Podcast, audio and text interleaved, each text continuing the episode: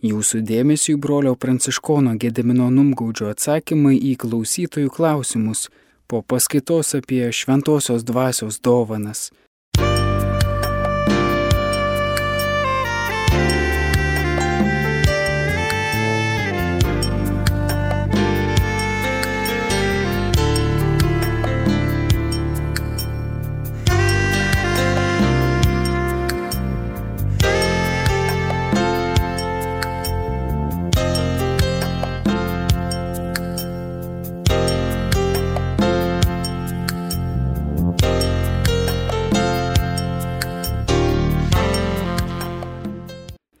Buvau pažadėjęs atsakyti klausimų. Yra klausimėlis. Patarkite, kaip tarnauti. Meldžiuosi bendruomenėje, šlovinu Dievą, internetu prisijungusi prie mesijinių žydų bendruomenės schemo. Kodėl ne parapijinėje bažnyčioje pagal gyvenamą vietą? Nu, iš kur aš žinau, kodėl jūs ne parapijoje šlovinat Dievą, o prisijungusi prie mesijaninių žydų. Nežinau jūsų situacijos. Ar nėra šlovinimo jūsų parapijoje tokio kaip kemo, ar iš vis nėra, ar jums netinka tas šlovinimas. Melskitės, kad jūsų parapijoje viešpats surinktų šlovintųjų būrį ir galbūt reikia pradėti kažkokius daryti žingsnelius, kalbėti tarpusavį, kviesti, raginti. Viskas prasideda nuo mažų dalykų kartais. Jeigu garsiau kalbėsit apie tai parapijos susitikimuose arba tiesiog su žmonėmis po mišių, gal atsiras bendraminčių ir susiburs tokia grupelė, kuriai bus reikalinga taip. Kaip atskirti šventosios dvasios dovanas nuo piktojo dovanų? Nu, va čia atskira mokyklėlė būtų atskiras mokymas iš tikrųjų, bet keletą dalykų pasakysiu. Pirmiausia, na, buvo tokie propaguojami keturi tokie rodikliai, kurie padeda atskirti, kokia dvasia mane veikia. Jeigu aš gaunu kažkokį įkvėpimą, Pirmiausia, reikėtų aišku tirti su tuo, ar atitinka tas įkvėpimas šventą raštą. Galbūt pasitarti su labiau raštą išmanančiais žmonėmis. Antras dalykas, ar yra pritarimas bendruomenės vyresniojo tam įkvėpimui, palaiminimas. Jeigu jo nėra, galima melstį, kad viešpats apšviestų vyresniojo protą, bet paprastai na, galima per tai išgrininti tą intenciją ir atėjus laikui bendruomenės vyresnysis sakys, va dabar reikia tai daryti, ką tu norėjai prieš metus daryti, pavyzdžiui, ar tu dar pasiruošus tą daryti. Ir kitas dalykas, ar gyvenimo aplinkybės atitinka, pavyzdžiui, turi šeimą ir turi įsipareigojimą šeimai, vyrui arba žmonai ir sugalvojai, kad Dievas tave kviečia į Afriką į misijas. Dievo žodis lyg atitinka, klebonas irgi neprieštarautų, bet žmona sako ne ir sėdėk namuose. Ir ketvirtas dalykas, kad kai Dievo dvasia kviečia ką nors daryti, žmonės dažnai jaučia nerimą ir baimę. Bet kai jie žengia tą tikėjimo žingsnį, nugalėdami baimę ir nerimą, ta baimė ir nerimas pasitraukia. Iš piktosios dvasios kartais atėję įkvėpimai būna labai entuziastingi, džiaugsmingi, bet žengus žingsnį ateina baimė ir nerimas. Tai gali būti ženklas, kad yra iš piktosios dvasios. Ir aišku, reikia žiūrėti, kokie yra vaisiai. Ar yra žmoguje vidinis pasikeitimas, atitinkantis Dievo žodžiui. Ar yra ramybė, džiaugsmas, laisvė, ar yra baimė, nerimas, sielvartas koks nors. Tai va tokie gali būti ženklai. Bet, kaip sakant, visais tais atvejais reikia kantrybės ir neskubėti daryti iš ankstinių išvadų. Ar atsiras daugiau tikinčiųjų po šių išbandymų? Dievas vienas žino, ar atsiras daugiau tikinčiųjų, bet manau, kad daugelio tikinčiųjų tikėjimas tikrai bus išbandytas ir išgrynintas. Ir tai duoda vilti, kad bažnyčia po tos krizės turės kitą kokybę. Gal žmonių ir mažiau, bet tikiu, kad jie bus grinesni, bus labiau apsisprendę už viešpatį. Kada Lietuvoje prasidėjo charizminis judėjimas? Nu, aš čia tiksliai metų negaliu pasakyti, bet tarp 80-90 metų, aišku, sėkmininkų judėjimas buvo Lietuvoje ir ko gero ir prieš karyje, bet netoks ryškus.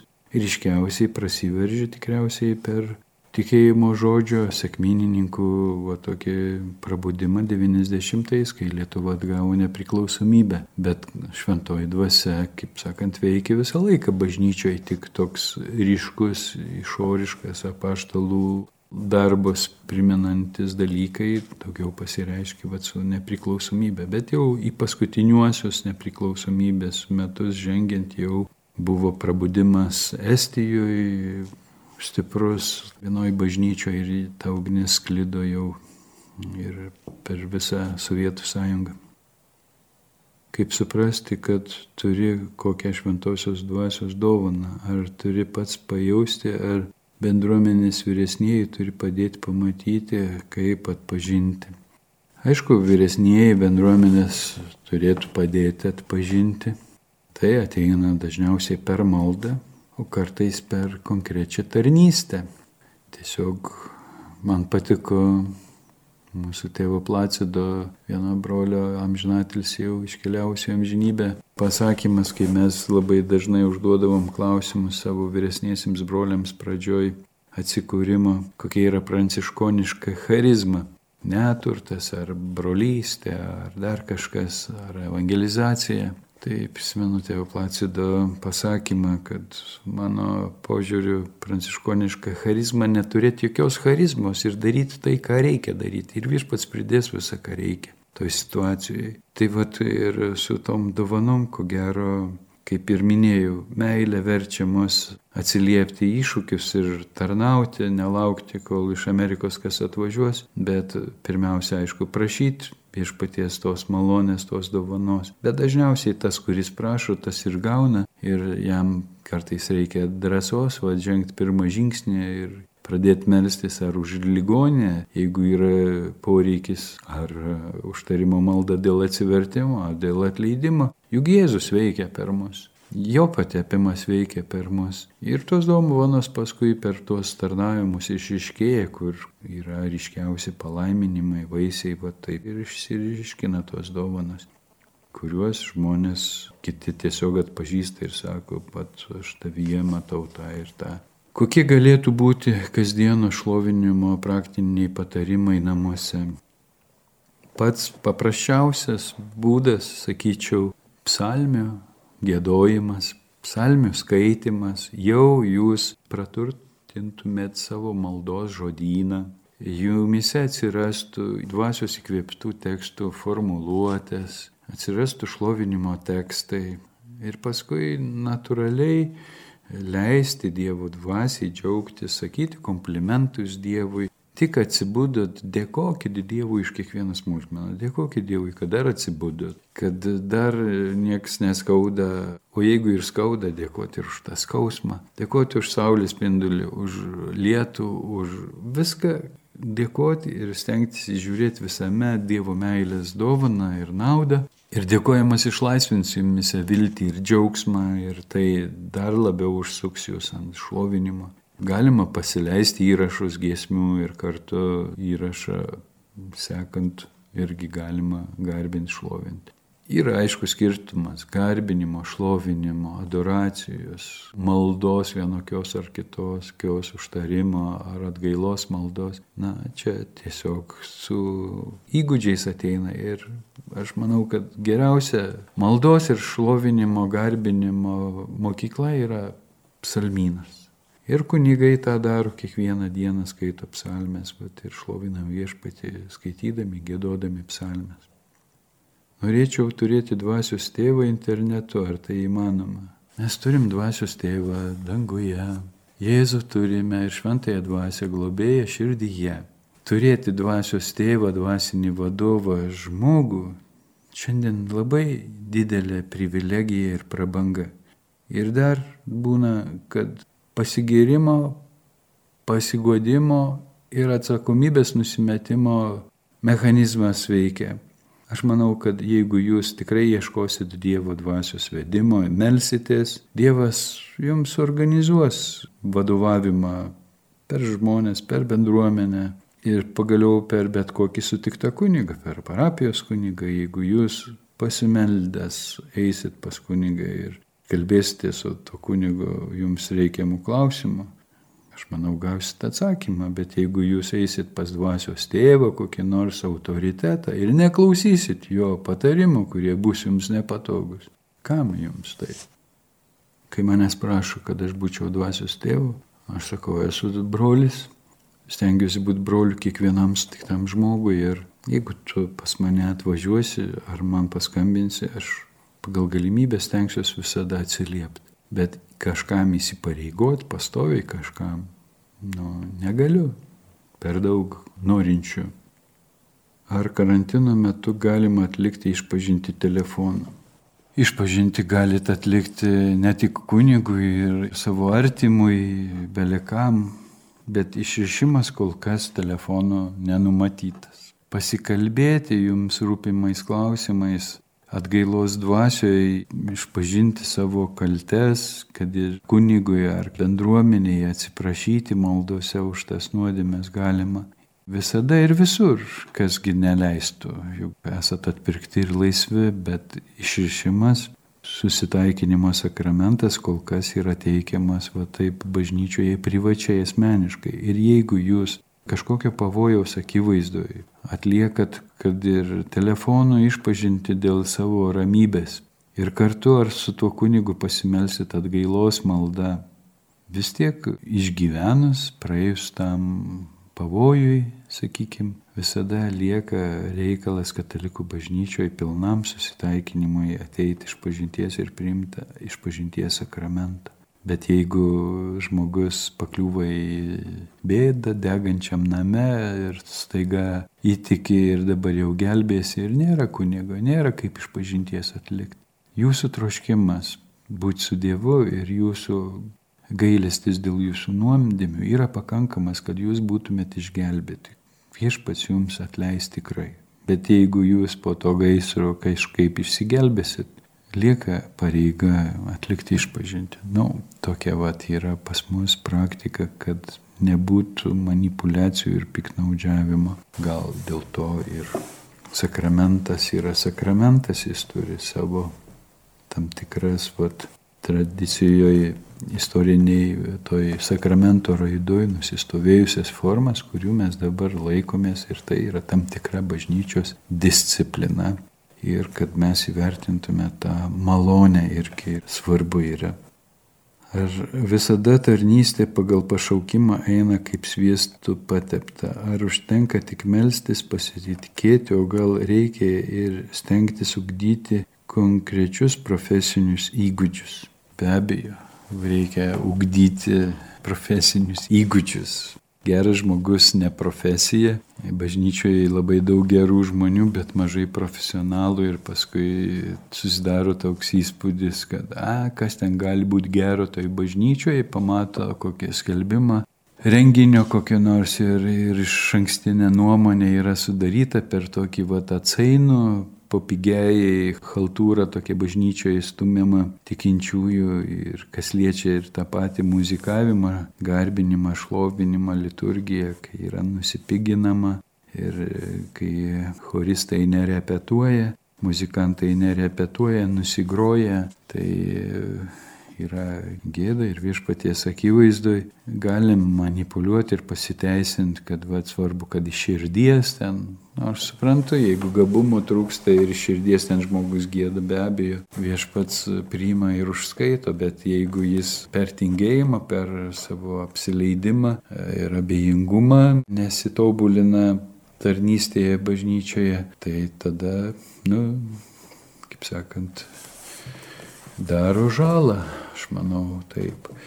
Ir turint tą patepimą, dėje dažnai bažnyčioje susidurėme ir su kliūtimis, nes natūralu, kad šetonas nenori, kad būtų kokybiškai, teisingai daromi dalykai, kad tą patį patepimą sustabdytų, kad geriau tarnautų toj vietoj nepateptas žmogus, o, kaip sakant, saldžiai išnekantis, melagingai godžiantis ar dar kaip nors ir belikaip, bet patogus kitiems, negu kad, sakysim, kad ir skaudžią tiesą, nepatogią tiesą sakantis.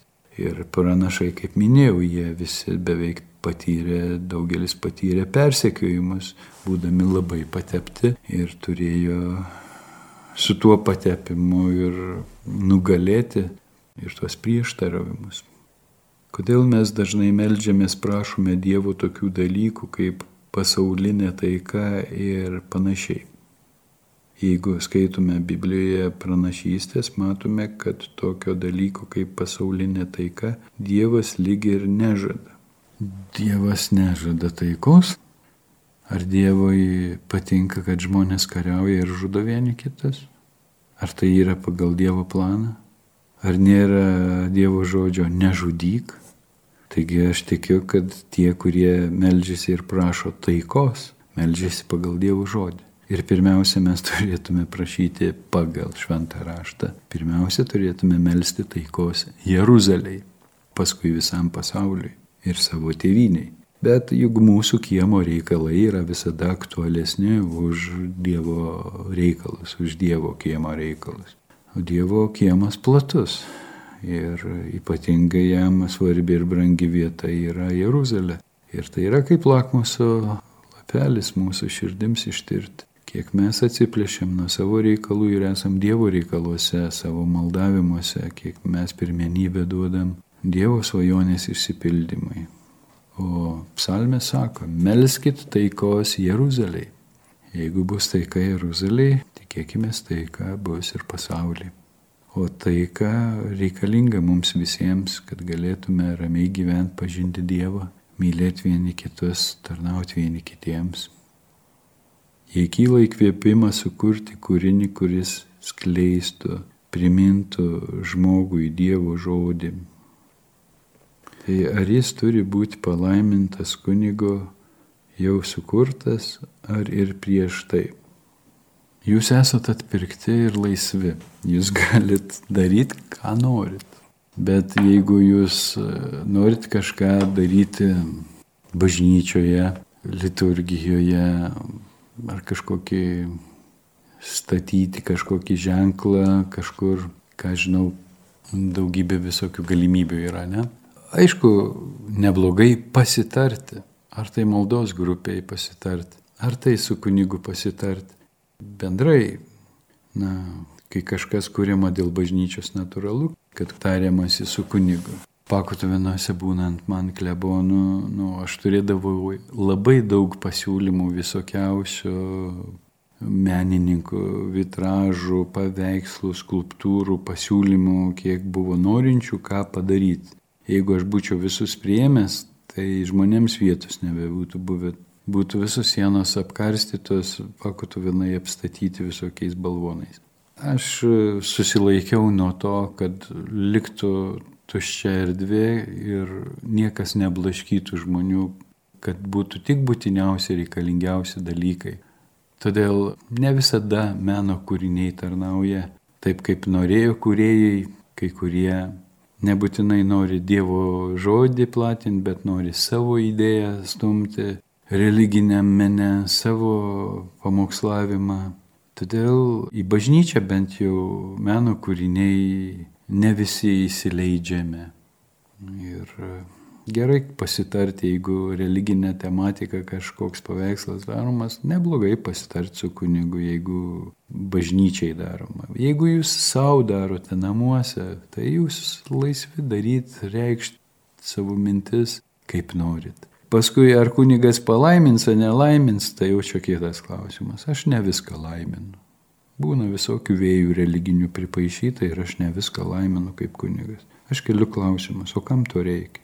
Ir šiaip atsiminkit, atsargiai su atvaizdais. Nedarysi atvaizdų. Gal reikėtų įsiklausyti tai. Kokia situacija dabar Izraelyje dėl atsivertimų į krikščionybę? Na, Izraelyje Vyksta procesai, vyksta procesai ypač žydų tarpe. Aišku, yra arabų krikščionių, jau kaip sakant, senųjų krikščionių tradiciškai gyvenančių vietinių, bet vat, gal daugiausia atsivertimų į Jėzų, priimant Jėzų kaip mesiją, yra tarp rusiakalbių žydų atvažiavusių iš Sovietų sąjungos. Auga ten ne labai ten įspūdingai, bet stabiliai auga mesijaninių žydų bendruomenės. Ne tik rusiakalbių, ir iš kitur atvykusių. Ir tarp kitko, tarp musulmonų, arabų irgi yra atsivertimų į Jėzų. Aš vienoj mesijaniniai žydų bendruomeniai buvau sutikęs moterį, kuri iš arabų musulmonų šeimos, iš islamo atsivertė, priėmė Jėzų ir įsijungė į mesijaninių žydų bendruomenės gretas ir buvo priimta. Ir kartu šlovina viešpati. Tarp kitko, net vienas kabilinės televizijos kanalas čia turėjo atsidaryti prieš mėnesį kokį mesianinių žydų, kurie išpažįsta Jėzų mesijumi. Jie nenori, kad mes vadintume jų krikščionimis, bet krikščionis hebrajiškai, pagal hebrajišką logiką, lietuviškai būtų kaip ir mesianistai, pateptieji arba pateptojo mokiniai, mesijo mokiniai, krikščionis nuo žodžio Kristos, graikiškai pateptasis, tai va ir krikščionis nuo Kristaus, Kristaus mokiniai, pateptojo mokiniai, mesianiniai žydai, mesianiniai tikintieji iš kitų tautų, tos savokos tokios. Gerai, tai gal jau ir užteks mums tų klausimų. Ačiū Jums už tuos klausimus ir šiandien gal šiek tiek kitokiam formatė padarysim. Jaučiu poreikį padėti žmonėms ir tokia kaip sąžinė sąskaita pasidaryti, atsiprašyti Dievo už kai kurias nuodėmes, kurios galbūt prašosi visuotinės atgailos, kur yra sakyčiau, po valstybės globa nuodėmės, įstatymų dengiamos nuodėmės nusikaltimai kaip abortai, kriminalinė visokia veikla organizuota pasaulyje už tokias pasaulinės nuodėmės, kad mes kažkaip dar kartą užimtume tokią Dievo poziciją, Dievo vaikų poziciją, įsivardintume dalykus ir atsiprašytume viešpaties ir atsiribotume kartu nuo tų nusikaltimų, nuo tų nuodėmių. Galbūt pereisim per dešimt Dievo žodžių ir atsiprašysim Dievo už įvairias klaidas nuodėmės pasitaikančias mūsų gyvenime. Aišku, kiekvienam galbūt šventoji dvasia primins asmeninius kažkokius dalykus, bekalbant, beivardinant tuos bendrus tokius dalykus. Bet vad bus proga mums kartu pasimelsti už žmoniją ir prašyti viešpaties, kad sustabdytų tą nuodėmiavimą. O mes prašom, kad sustabdytų epidemiją, tą pandemiją, bet galbūt užmirštam prašyti, kad sustabdytų ir suteiktų atsivertimo malonę tiems žmonėms, toms grupėms žmonių, valstybės vadovų, įtakingų pasaulio žmonių, menininkų, filosofų, turtingųjų žmonių širdis, kad pakreiptų į tiesos ir teisumo kelią, kad atitrauktų nuo tų žmonijai pragaištingų pragaro darbų, nuo tų nusikaltimų, kurie vykdomi ir karai, ir okupacija, vat, ir ta neteisybė, tas blogis Dambase visas, kurio mes net neįsivaizduojam kiek mus te pasiekia ta informacija ir jau mes apsipratę ir užmiršę. Ir, o ten vyksta karas, o ten kiekvieną dieną šaudo, ten kiekvieną dieną kažkas žuva. Ten daugybė smurto prievartos. Ir kiek mes už tai atgailavom, kiek mes meldėmės už Ukrainos tautą, kiek mes meldėmės už Sirijoje gyvenančias tautas, už kurdus už Turkiją, už Rusiją, už Kiniją, Koreją. Nu, va, kažkaip pabandykim dar kartą taip globaliau Dievo dvasios akimis pažiūrėti į pasaulį ir prašyti tėvo pasigailėjimo tam pasauliui, ne pandemijos sustabdymo, o atsivertimo malonės, kad būtų nutraukta nusikalstama veikla, ta dvasinės mirties, to dvasinio genocido vykdymas pasaulyje daugelį kraštų, ir kad ir mūsų tėviniai Lietuvoje per internetą ir pornografiją ir visokią savižudybės propagandą paauglių tarpe, paauglių pasaulyje mums suaugusiems net nežinomų daugybė dalykų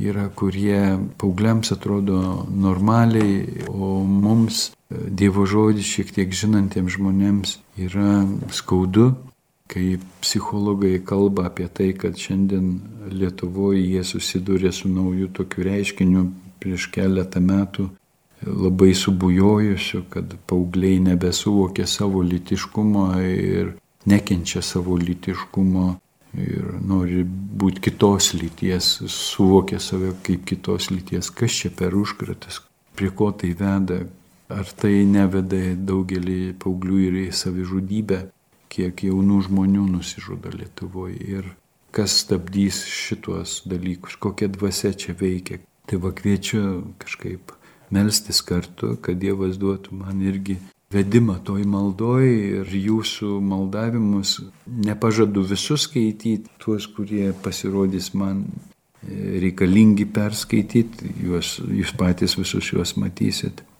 Gerai. Tai iki. Ačiū. Sudėjau.